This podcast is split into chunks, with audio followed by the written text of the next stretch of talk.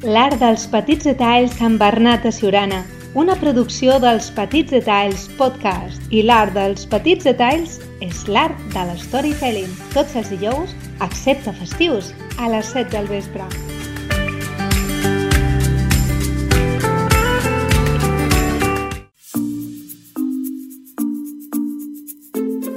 Els Petits Detalls Podcast. Capturem històries, moments i experiències. Tots som part d'una gran història. Tots en formem part.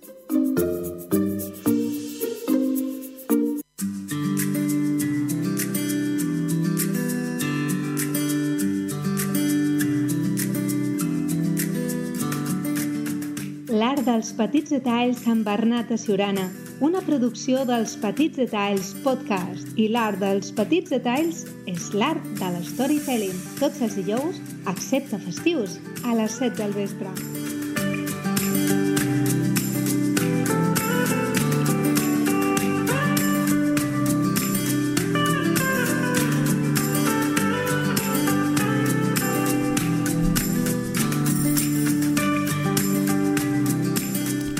Benvinguts i benvingudes a l'Art dels Petits Detalls, amb Bernat de Siurana, un servidor, on seguirem aprenent a construir les millors històries, un podcast produït pels Petits Detalls Podcast.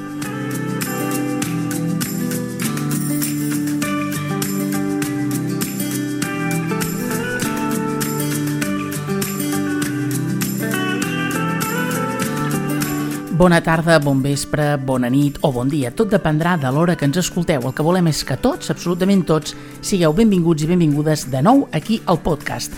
Recordeu que disposem d'un correu electrònic perquè ens pregunteu tot, a, tot el que vulgueu i ens feu arribar les vostres opinions. El correu és l'artdelspetitsdetalls arroba gmail.com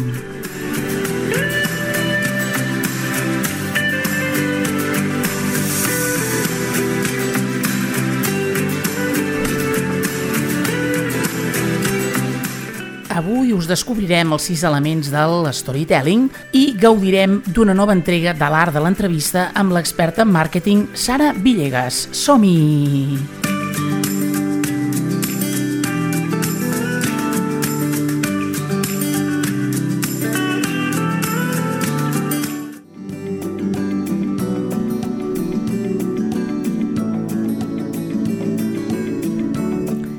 Michael Hawke, en el llibre que es diu Storytelling fet fàcil, ens presenta aquests sis elements de la storytelling que avui aquí al podcast descobrirem.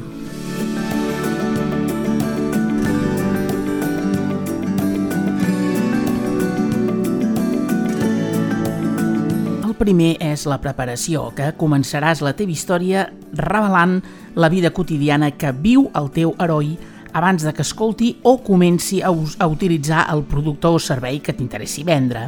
Aquesta imatge prèvia crearà empatia pel teu heroi perquè tots els teus lectors i les audiències puguin experimentar el seu èxit a nivell emocional. El pas 2 és la crisi, que és que una vegada hagis pintat una imatge de la vida quotidiana anterior del teu heroi, revelaràs l'event únic que es veu obligat a resoldre el seu problema, el moment en què les coses s'han tornat desesperades o la possibilitat d'un canvi que eh, ha tornat tan atractiu que ha hagut de fer quelcom. Però abans de que això pugui passar, el teu heroi ha hagut de formular un objectiu específic i després descobrir com resoldria aquest programa i aleshores a aconseguir aquest resultat. Aquí és on revelaràs com va investigar, dubtar i va fer moltes preguntes i quines alternatives va considerar fins que finalment et va escollir a tu, a la teva empresa, el teu producte, el teu procés per aconseguir-ho. El pas 3 és la persecució. Aquí presentes els passos reals que va haver de fer el teu heroi per aconseguir aquest objectiu. I això li donarà al teu comprador potencial una imatge clara i emocional del que implica, que és utilitzar el teu producte o servei, del que implica aconseguir d'alguna manera el teu eh, consell. El pas quart és el conflicte. Juntament amb el, teu, amb el progrés del teu heroi, també has de revelar els obstacles externs o interns que va, eh, que va haver de sobrepassar per eh, aconseguir eh, resoldre'l. És el conflicte en la història el que provoca emoció a la teva audiència. El pas 5 és el clímax, que eh, aquest serà el moment òptim de la teva història, la victòria per la que ha lluitat el teu heroi, que era quan el teu heroi superava l'obstacle final, creuava la línia de, de la línia final i guanyava. El pas sisè són les seqüeles. Aquesta és simplement la imatge posterior de la història del teu heroi, la nova vida que està vivint com resultat de seu objectiu. Li mostraràs als teus lectors i audiències el futur que pot ser seu si segueixen els passos del teu heroi. I això és tot. Aquests són els sis passos simples d'una gran història. I com avui aquí a l'Art dels Petits Detalls els hem explorat. Això sí, gràcies al mestre de mestres Michael Hook amb el llibre Storytelling fet fàcil, que el podeu trobar a Amazon.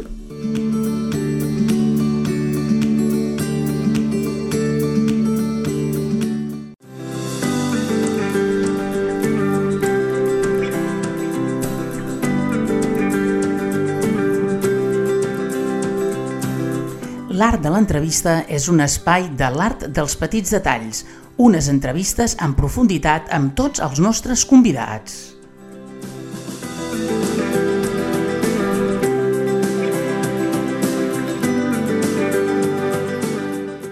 La convidada d'avui és experta en màrqueting, és la responsable de l'agència Bimarca i tal com diu a la web, viu per la comunicació, la publicitat i el màrqueting. Ella és la Sara Villegas. Sara, benvinguda al podcast. Què tal? Com estàs? Ben trobada, moltes gràcies, Bernat.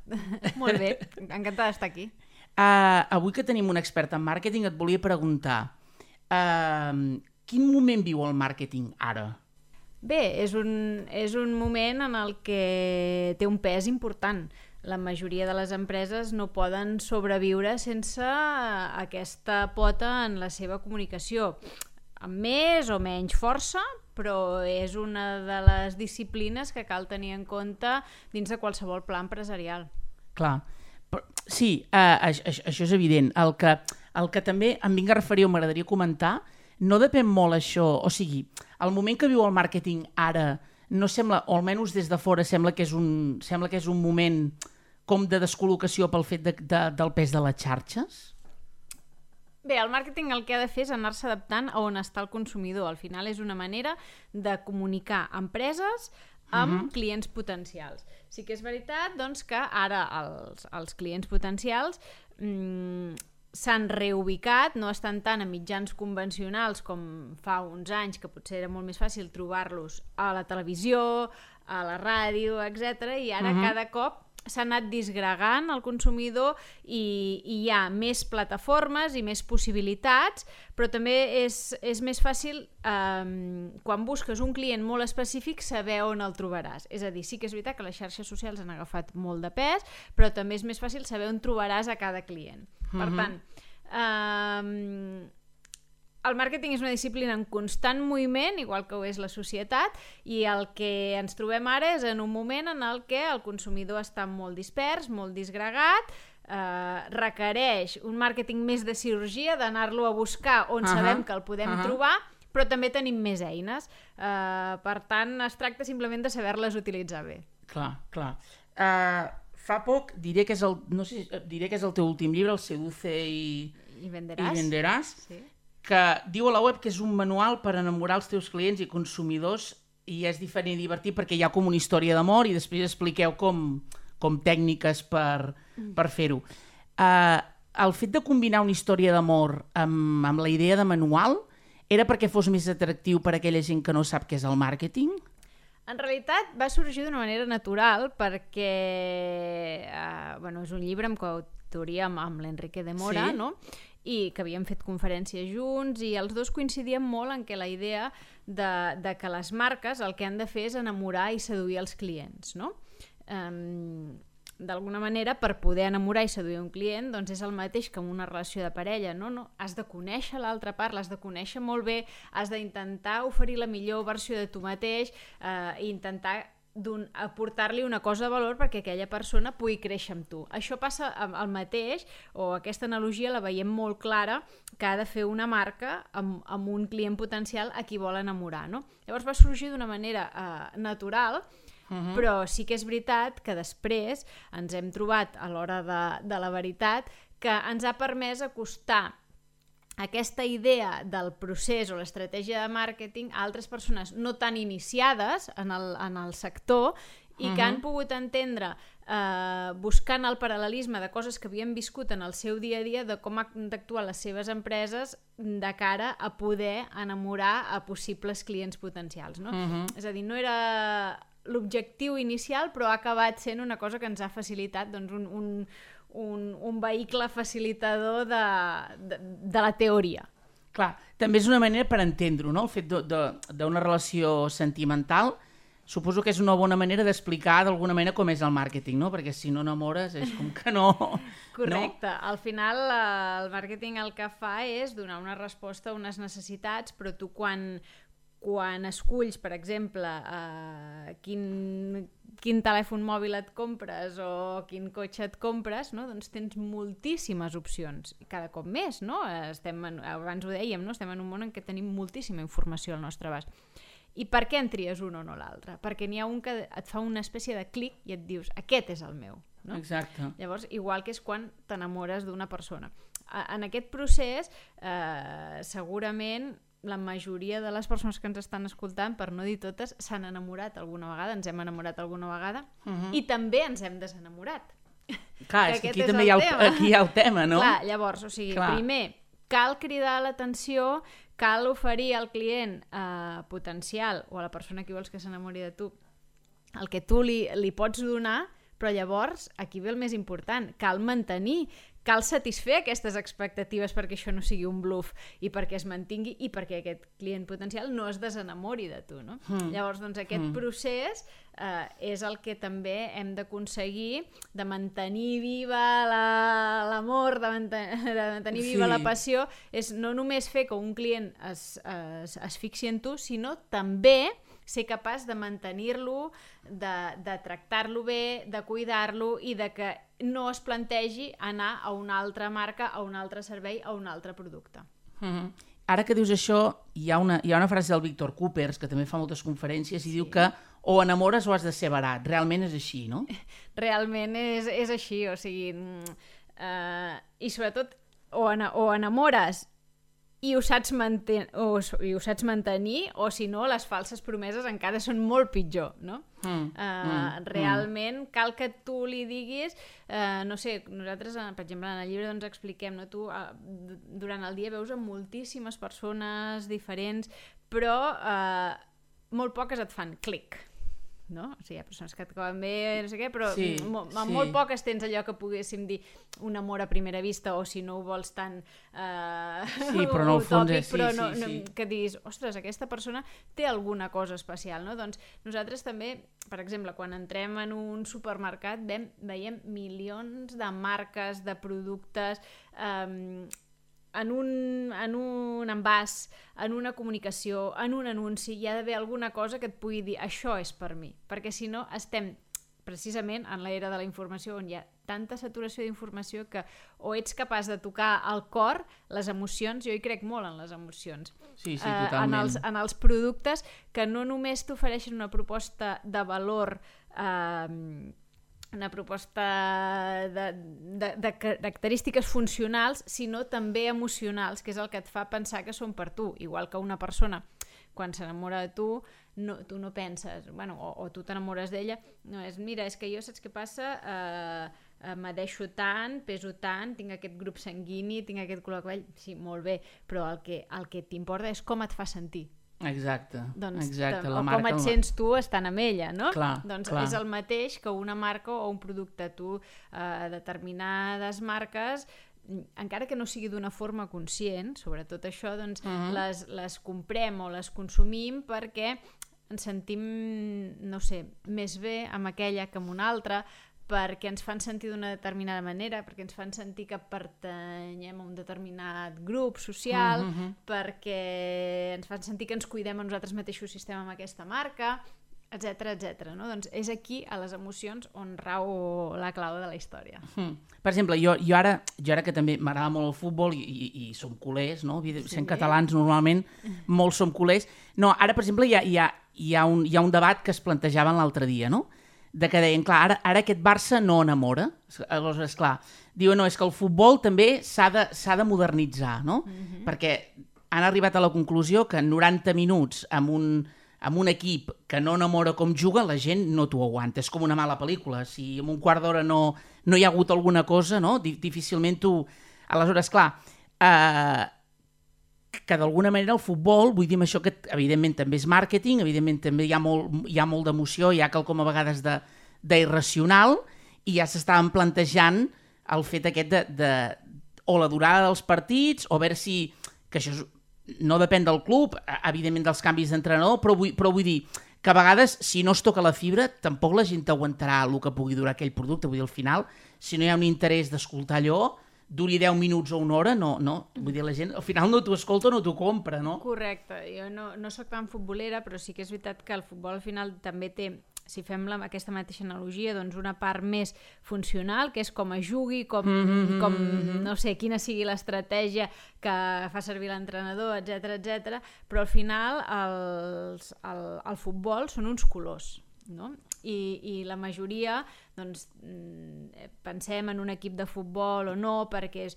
o herència familiar o perquè ens recorda determinades coses o uh -huh. no mhm. sé, l'eslògan que tenia el Barça no? de molt més que un club boníssim, no? Mm, sí. perquè, perquè hi ha molta gent que quan pensa en el seu equip de futbol no pensa només en aquell gol o, o, o, o què més, que també, que també, però pensa en una sensació doncs, que et pot fins i tot posar la pell de gallina perquè és eh, moments viscuts, sensacions, sentiments, eh, en, molts casos, en molts casos el Barça també ha jugat, eh, ha jugat amb, amb, amb barrejar el Barça amb la catalanitat, també -huh, uh -huh. Ha, ha, ha intentat tocar moltes vegades bé les emocions de, de, de, de, mm. doncs dels culers. Mm, mm. No, però, per exemple, feien, feien aquest canvi, no?, de, de que, diferent, que diferent es venia el producte quan hi havia el Pep Guardiola, que un partit podia durar 3 hores i tu mm. l'aguantaves, que no pas ara, que a vegades, i jo l'altre dia ho comentava amb un amic, no? no sé quin partit vèiem, que als 15 minuts ja, ja, no, ja no podíem més, no? Vull dir que aquí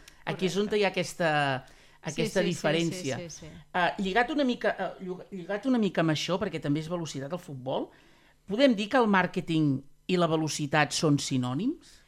Bé, el màrqueting ha de ser molt àgil, molt flexible i ha de tenir molta cintura, eh, perquè estem en una societat canviant, perquè cal reaccionar ràpid, perquè tot el que puguis fer dins d'un sentit més oportunista, no, no entès com a malament, eh? però en el moment que hi ha una necessitat tu puguis estar allà per satisfer-la, doncs evidentment el primer que arriba eh, té més possibilitats de guanyar. Sí, cal, mm. cal, cal ser ràpid, cal ser àgil i, i sobretot cal estar molt pendent de, de les necessitats reals, de, de la informació, de, de les notícies, um, de com es mouen els consumidors, de on estan, de quines són les noves tendències del jovent, uh mhm. -huh. una mica tot, sí. Podríem dir que, per exemple, l'Estrella d'Am, amb els curtmetratges que ha fet cada estiu, ho ha sabut fer molt bé, tot el, el vendre el producte o emocionar o arribar al client?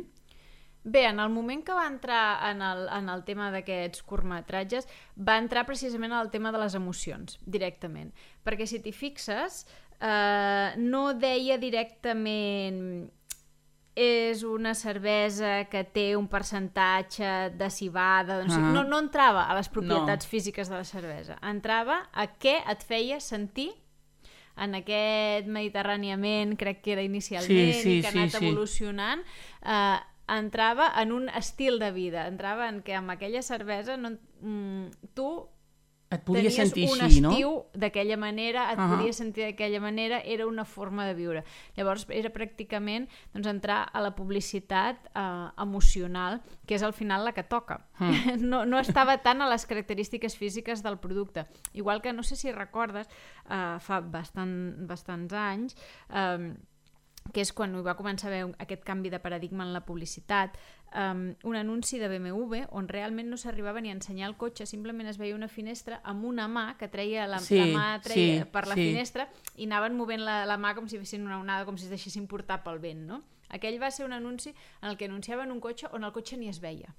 Uh -huh. Val? Llavors Clar. era, et sents així, et sents amb aquesta llibertat, et sents així, et, sents, et sents molt bé. Tu no arribaves a saber si el cotxe era gros, era petit, mm. eh, quina forma tenia, simplement t'estava traslladant una sensació, una emoció, I, i però veies aquell anunci i tu volies tenir aquella sensació.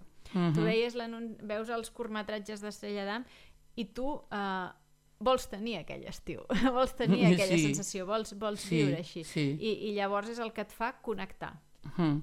Tot i que ara els últims anys eh, els han canviat, han anat a buscar alguna molt més... Correcte, han anat cap a la sostenibilitat. cap a la sostenibilitat, crec, i, que, i que també més. molta gent es preguntava que, que s'entenien, però a la vegada l'anunci era com una mica estrany, de realment què volia portar, què volia portar, no? També la gent es feia aquesta... Bé, jo crec que Estrella d'Am va trobar un, un territori molt bo d'aquests curtmetratges del Mediterràniament que et portaven a l'estiu, però arribava un moment en el que ja començava a estar cremat, val? llavors Sí. calia fer un pas.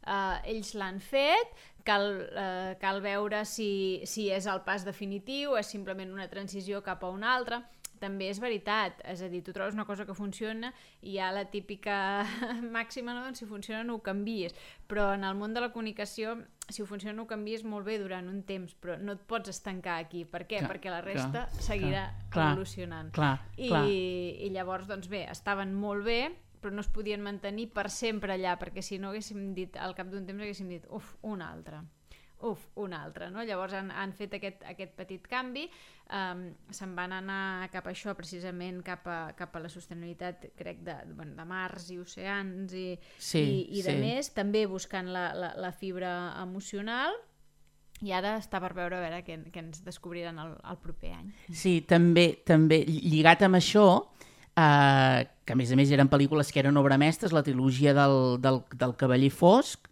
on, on van arribar un pacte entre director i actor que farien només una trilogia, o sigui, independentment de que arribessin fons, arribés diners per fer-les, farien només una, una, una trilogia, no? Mm. Amb això vull dir que a vegades en màrqueting també està bé decidir què, què, què et durarà aquell projecte, no? O, o anar-ho... Una, una retirada de temps també és una victòria, no? Perquè al, Exacte. al final, si no, eh, quan acabes cremant, o sigui, tu no pots, tu no pots fer que ja es plantegi si que allò ja no t'acaba d'agradar. Val més que intentis sorprendre de nou, no? Exacte, exacte. Per això suposo que els grups de música cada X temps fan alguna innovació en, en, en l'estil, perquè és clar, el mateix d'ara els Manel, si els Manel haguessin anat aquests 10 anys que porten amb l'ukelele, al final haguessin dit, hosti, ja tornen els passats amb aquí amb l'ukelele, no? Bueno, Suposo és- que és com anar a renovar, no? Torna, tornant a l'analogia, que fèiem abans de, de, o el paral·lelisme que fèiem d'una parella, de la relació entre,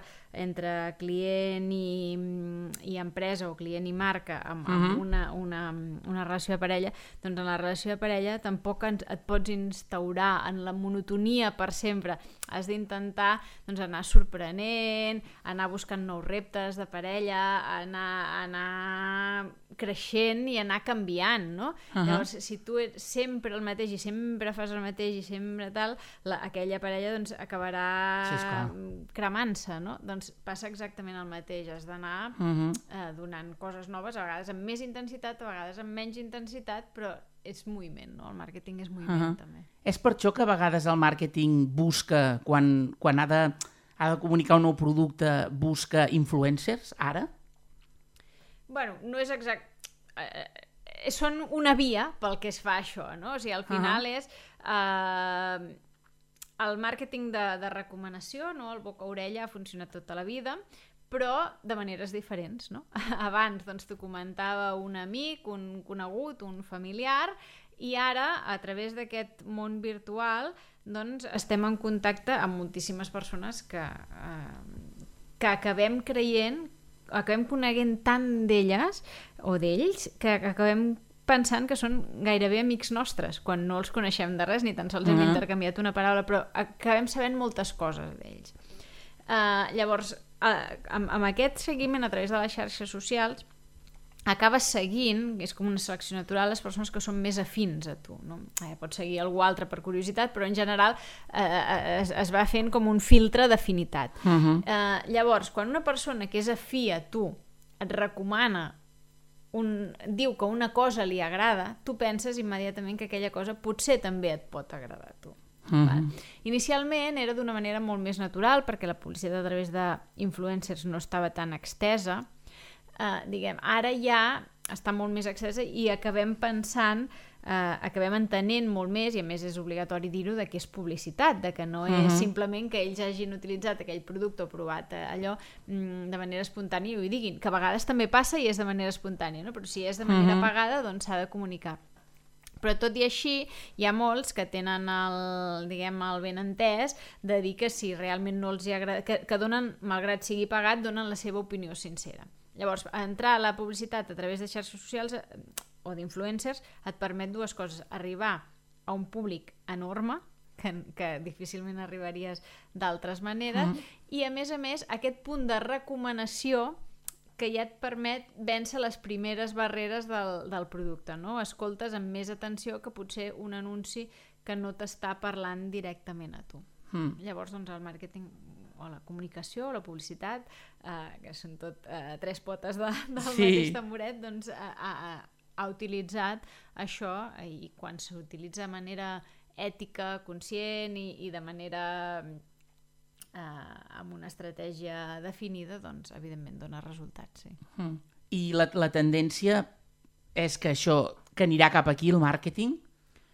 Mm, no només en això, eh? no, no diguem... Eh, sempre serà una, una pota més perquè al final és, és el que et deia els, els espectadors o sobretot gent jove està molt menys en mitjans convencionals i a través d'aquí doncs és, se sabem que a partir d'aquí els podem trobar uh -huh. però no només aquí perquè al final eh, es necessiten explicar moltes més coses eh, però sí que és una manera de dir ei, estem aquí i donar-se a conèixer. Mm, No crec que sigui una pota que desaparegui a curt plaç, en absolut, però no serà l'única que no es podrem sustentar només en això, perquè al final això et limita a un tipus de missatge eh, i a un, a, un, a un tipus de comunicació que, que al final també doncs, cal donar molt més contingut, cal, cal comunicar molt més, però, Mm. però sí, és, ara mateix és una part eh, important. A vegades, tu, tu com a experta, no? la, la gent des de fora pensa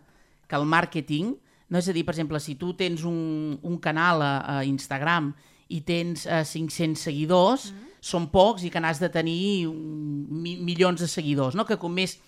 Que a vegades es dona a entendre que com més seguidors, més ventes tindràs, però, però hi ha vegades que això no, no, no, no succeeix d'aquesta manera, no? Mm. Vull dir que no pel fet de tenir més vendràs més, sinó a vegades val més que els tinguis més fidels, no? Suposo que per, per vendre que no Correcte, pas... o sigui, la, el, el, Clar, la el conversió- binomi perfecte és tenir-ne molts i molt fidels, val? Exacte. Però sí, eh, no, no sempre tot això és possible perquè no tots els productes van a un públic molt majoritari.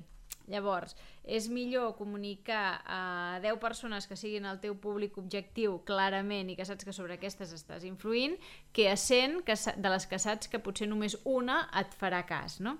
Llavors, evidentment, quants més, millor, però ha de ser del, del teu públic objectiu. No? Uh, no, no val la pena que jo vengui, per exemple, un producte que han de comprar, eh, que, és, no sé, que és destinat a dones, i jo tingui molts seguidors homes. Mm, no en trauré res. Val? O, Exacte. eh, i, i així com, com moltes altres coses, no? O sigui, no, no puc eh, dir un producte que és per, jo què sé, per, per, per, per una, contra l'alopècia i tingui seguidors de, no sé, gent molt jove que té que... Què, què m'aporta això? Res, perquè això no es, no es traduirà en ventes, no es traduirà en... No, no, o sigui, són seguidors buits, superflus, no? Però, uh -huh. però sí que és veritat que quan més persones amb alopècia tingui allà, doncs molt millor. Però sí que han de ser persones que, eh, que puguin tenir un interès en, en aquest producte. Mm. Perquè així els continguts que jo els oferiré doncs seran d'interès. Mm. Aleshores, quan la, quan la... O sigui, nosaltres a la universitat ens deien que quan la publicitat es fixa amb els likes per decidir si posa diners a determinat producte, creus que en aquest cas la publicitat està actuant bé? No. no, no, no, i és una cosa que, que, bueno, que expliquem moltes vegades als nostres clients i que afortunadament cada cop van entenent més, no?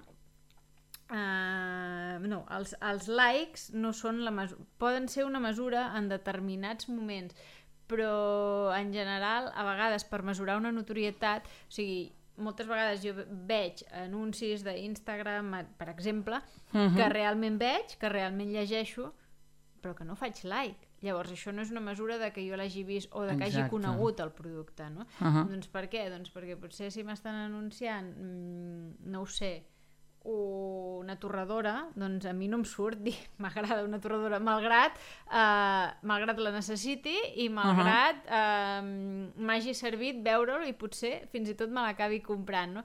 Eh, al final hi ha determinats eh, sectors on el like és molt més fàcil i determinats eh, bellesa, cosmètica, moda, etc. Mhm, El like és molt mhm, més fàcil mhm. que determinats, eh, inclús tecnologia, però altres sectors on el like no és eh, tan senzill i no per això eh, no té notorietat o no té conversió en vendes. Uh -huh, uh -huh.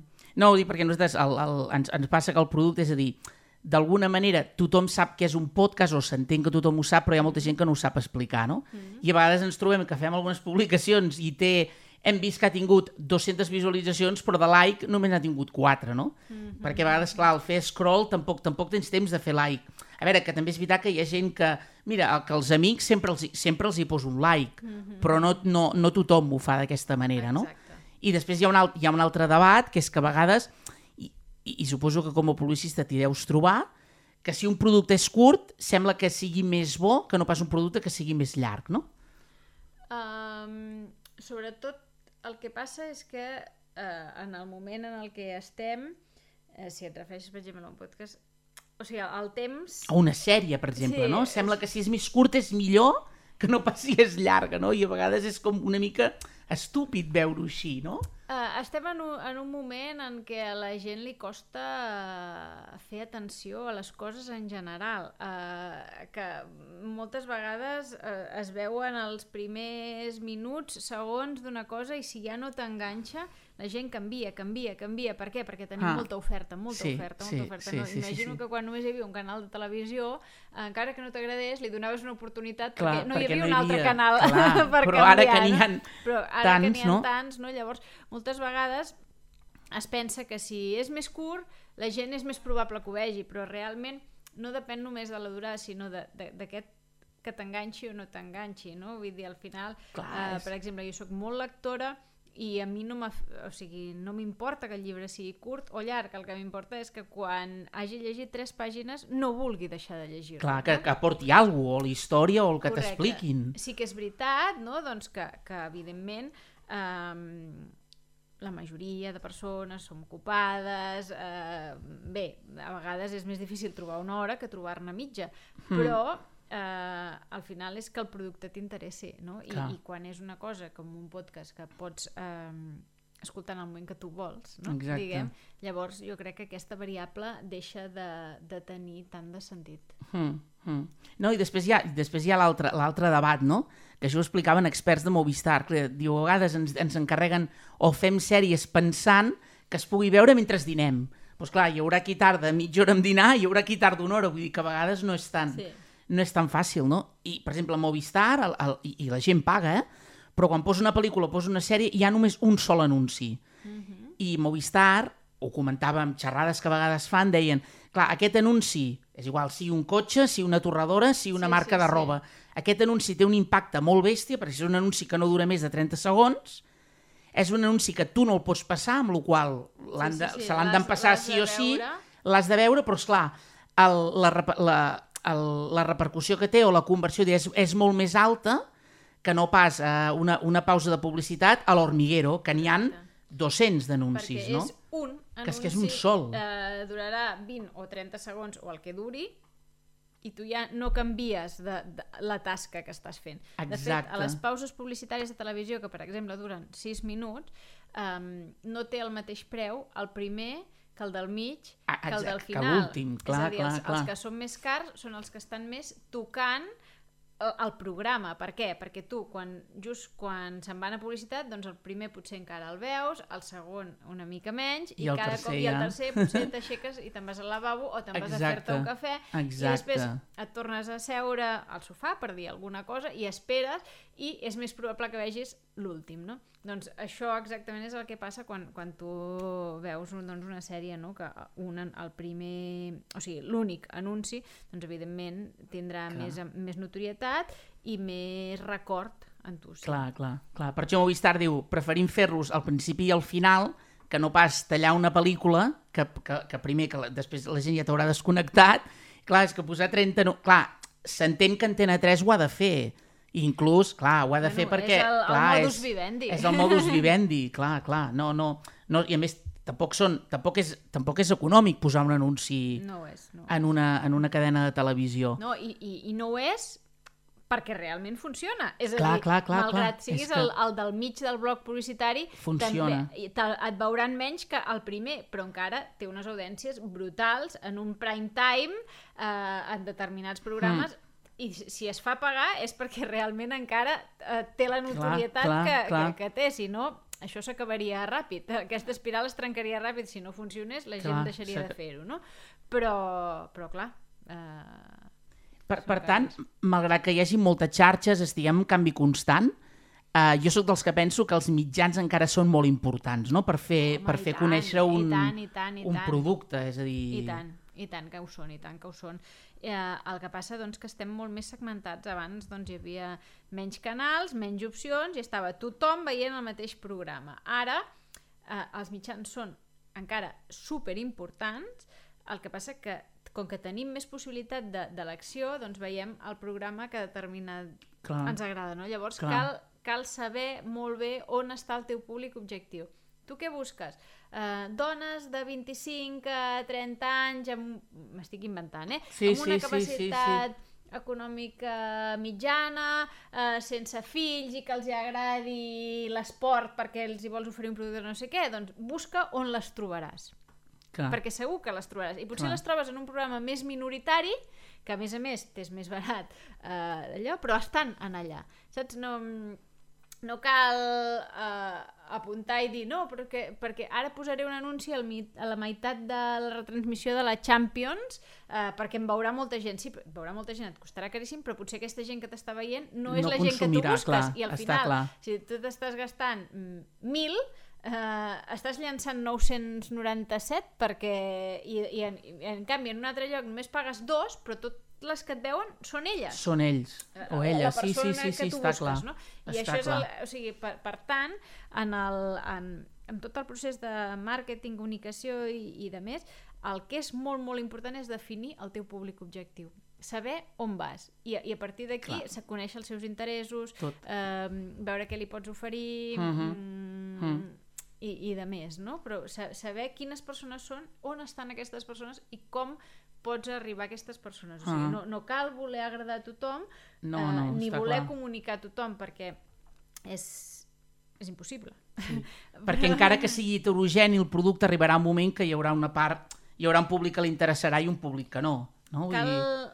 cal apuntar bé. I quan has apuntat bé, disparar per fer diana. Exacte.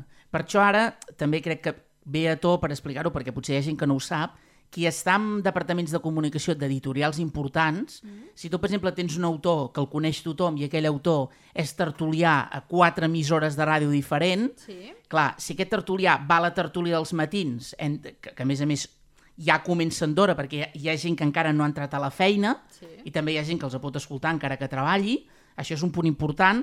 Clar, per exemple, a vegades aconseguir que el cuní de torn li faci l'entrevista no és tan fàcil, però és clar, si el té la tertúlia i diu, avui, per exemple, ets tertuliana, avui tenim la Sara, mira, i acaba d'escriure el llibre Seduce i venderàs, clar, què passa?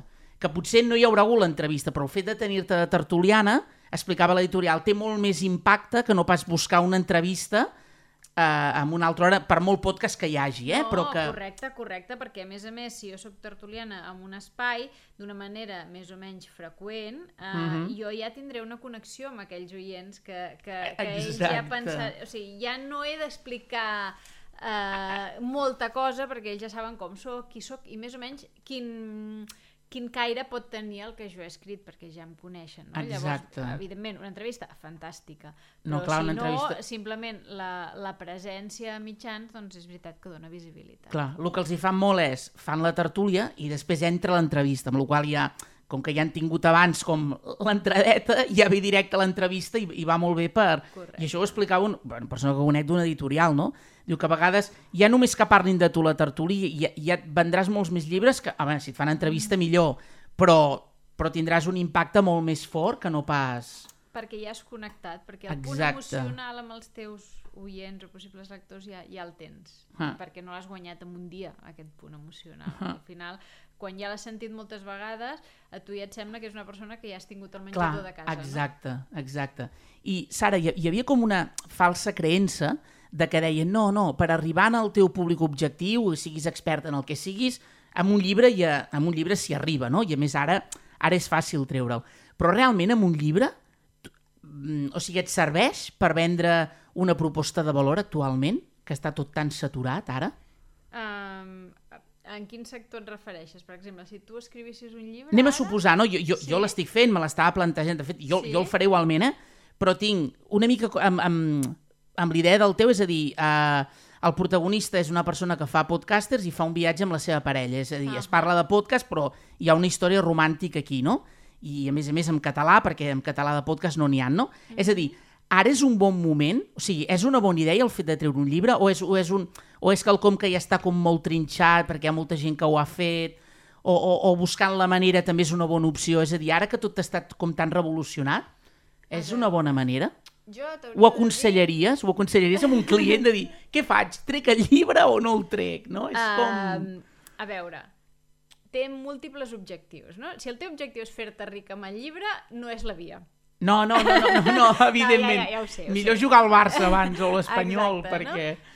Però sí que és veritat que jo penso que el fet d'escriure un llibre et permet també ordenar, ordenar idees, eh, crear doncs, bueno, un, un storytelling, no?, que diem, o sigui, Exacte. Que, que plasmar, no? I per mi un llibre sempre és una bona idea, no?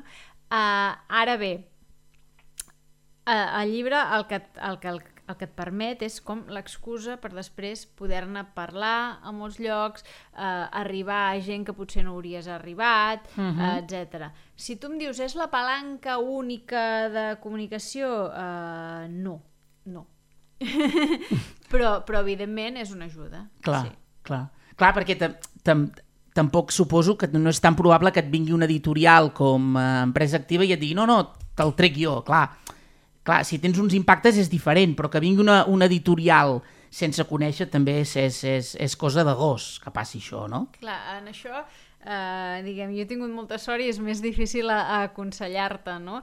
Perquè jo en realitat eh, he escrit dos llibres i el, el primer va ser Gestió 2000 que és, que és de Planeta Ah. i és perquè en, eh, era el llibre Marketing Dències perquè en aquell moment estava fent una, una secció a Europa FM i doncs, doncs els hi va agradar el contingut que, que hi havia i em van proposar plasmar-ho com a llibre, va ser com una mica la, la idea inversa i, i a mi em va semblar una, una bona opció. I en el segon cas, eh, el llibre va ser la conseqüència d'unes conferències que vam començar a fer Mhm. i, i que llavors doncs, eh, Empresa Activa va, va tenir a bé de, de, bueno, de que quan ens van plantejar fer un llibre doncs els, els, hi, va, els hi va encantar la idea no? llavors doncs no, no lamentablement no tenim consells per tot i en aquest cas Sí, no, no, clar, no, no, et sabria, no et sabria dir però bueno, sí que és veritat que arrel del llibre sí, eh, sí que ens va permetre, és a dir, això neix d'unes idees del que fèiem moltes xerrades per petites i mitjanes empreses, per sectors empresarials Mhm. i, i de més, i arrel del llibre també vam arribar a molts altres empresaris que després, a partir d'aquí, doncs, van voler que reapliquéssim això per la seu equip comercial, per al seu equip de vendes, eh, etc. No? Doncs llavors és, és bueno, el llibre eh, el llibre està sempre, no? fins i tot quan tu dorms, no? Exacte. està allà i, i, Sí, i, sí. i bueno, però fes un, jo et diria com, a- fes un llibre de, que segur que us, és la teva idea però del que et sentis orgullós Exacte. No, i suposo que també va relacionat una mica amb això. No, no, és que una, mane- una bona manera de, de, de proposar una proposta de valor és amb un llibre. Però, esclar, també suposo que la proposta de valor, és a dir, ho ha de ser per, per l'oient en el que vagis, perquè potser algú farà una proposta de valor X, però per uns ho serà i per uns altres no. Vull dir que també depèn molt de com te la perceben, no? Per molt que tu ho pensis, si l'altre no ho creu, difícilment ho serà, no? Sí, Una... bueno, aquí és on, on dèiem el, el tema de tenir molt clar quin és el teu públic objectiu, no? Si tu uh. -huh. saps qui és, o sigui, amb el que dèiem amb el, uh, de, de comparar-ho amb una parella, no? Diguem, si tu tens una pare... eh, vols enamorar un, una persona, un noi o una noia, no? i saps que aquella persona és vegetariana, eh, però, però tu no ho saps en aquell moment, no? i et planteges portar-la a sopar, no? I, i dius, no, és que et portaré a un restaurant argentí que fan una carn brutal, i potser és una superproposta de, de valor per una altra persona, Clar, però a ella però- no li diu res. Clar. Llavors, si tu no t'has preocupat de conèixer el teu públic objectiu, uh, vas pifiada. Sí, sí. perquè estàs, pos... estàs jugant a una carta que no, que Que no... no- és el que, mm, el que, Que no serà el que la sorprendria, no? Exacte. Diguem, després evolucionarà d'una manera o d'una altra, però eh, el, evidentment el que està dient és no m'he preocupat de saber què és el que tu necessites o què és el que tu t'agrada, perquè Mhm. totes les coses són bones o dolentes en funció de, de, de qui les rep, no? Un regal per una persona pot ser una cosa super xula i per l'altra pot ser una, persona, una cosa que no li faci gens d'il·lusió, no? Doncs eh, el mateix amb un llibre, amb qualsevol proposta de valor, amb qualsevol servei o qualsevol producte. No? Llavors és una mica uh, a qui vaig, quantes persones són aquestes a les que vaig, què els hi agrada i em sento satisfet si arribo només a aquestes persones o vull arribar a moltes més. No? Mhm. Al final és voler fer content a tothom és una cosa pràcticament Impossible. inviable, sí, i llavors doncs, al final és, és dir, bueno, quin és el meu, el meu target, quin és el, la meva àrea d'influència i vull anar aquí. Si tinc clar que vull anar aquí, doncs faig un, per aquí. Vull anar molt més, doncs potser m'he de replantejar com ho faig, no? Llavors, no hi ha projecte ni petit ni gran, simplement hi ha, hi ha projecte del, de, de, tu marcaràs les, les, les teves línies no? i la teva zona de maniobra. Llavors, a partir Mhm. d'aquí, eh, endavant amb el que decideixis. Uh -huh. Per resumir una mica i per anar tancant, d'alguna manera, això és amb el que... Això és la, la teva feina, diguéssim? Això que hem parlat, una mica així, Ah. grans trets? a, a grans trets nosaltres ajudem sí, precisament a, a això amb diferents productes, serveis, marques, etc. No?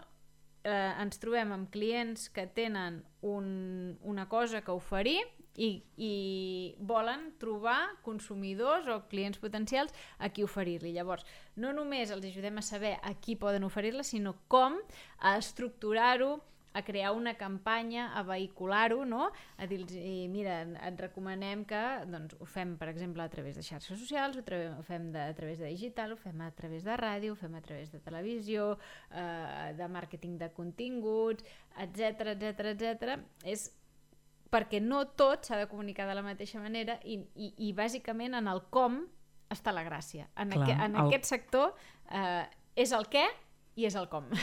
Llavors, doncs, al- a l'ajuntar-ho intentem assessorar petites, mitjanes i, i, i grans empreses per arribar al seu, al seu públic objectiu i el que diem nosaltres, no? i per ser una marca que marqui. D'acord, doncs uh, Sara, moltes gràcies i esperem, esperem que vagi molt bé.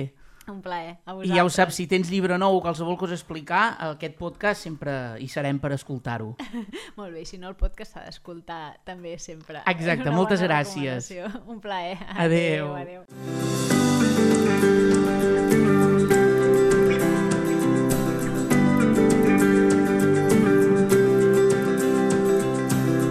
L'art de l'entrevista és un espai de l'art dels petits detalls, unes entrevistes en profunditat amb tots els nostres convidats.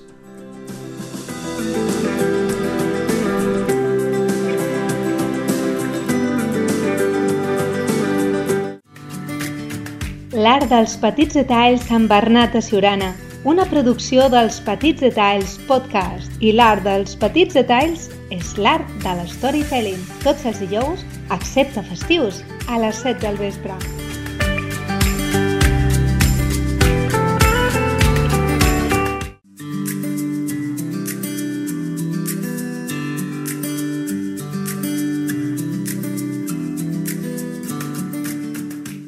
Dels petits detalls amb Bernat a Siurana, una producció dels Petits Detalls Podcast. I l'art dels petits detalls és l'art de l'storytelling. Tots els dijous, excepte festius, a les 7 del vespre. Recordeu que a la nostra web, elspetitsdetallspodcast.cat, a l'apartat a la carta hi trobareu tots els nostres serveis.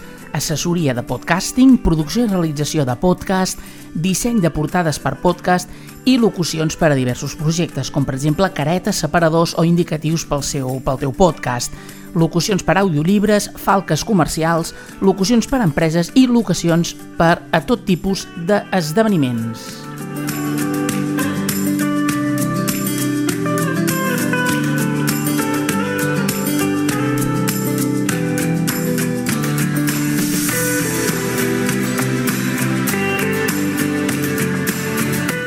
La web del podcast l'artdelspetitsdetalls.blogspot.com hi trobareu tota la informació relativa al podcast i un grapat d'escrits i apartats per gaudir dels petits detalls de la vida.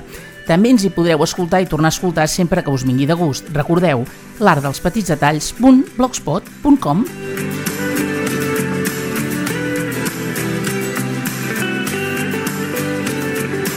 Si voleu estar al dia de totes les novetats de la nostra productora de podcast, els Petits Detalls Podcast, heu de visitar elspetitsdetallspodcast.cat.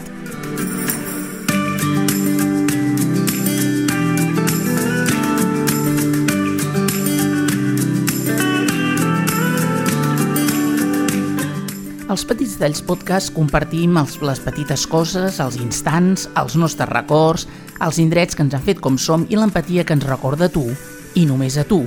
Fem de tot perquè els detalls els visquis del tot. Recordeu que disposem d'un correu electrònic perquè ens pregunteu tot el que vulgueu i ens feu les vostres opinions. L'art dels petits detalls arroba gmail.com l'art dels petits detalls arroba gmail.com Ens veiem dijous vinent a les 7 del vespre, detallistes. Sigueu molt i molt feliços.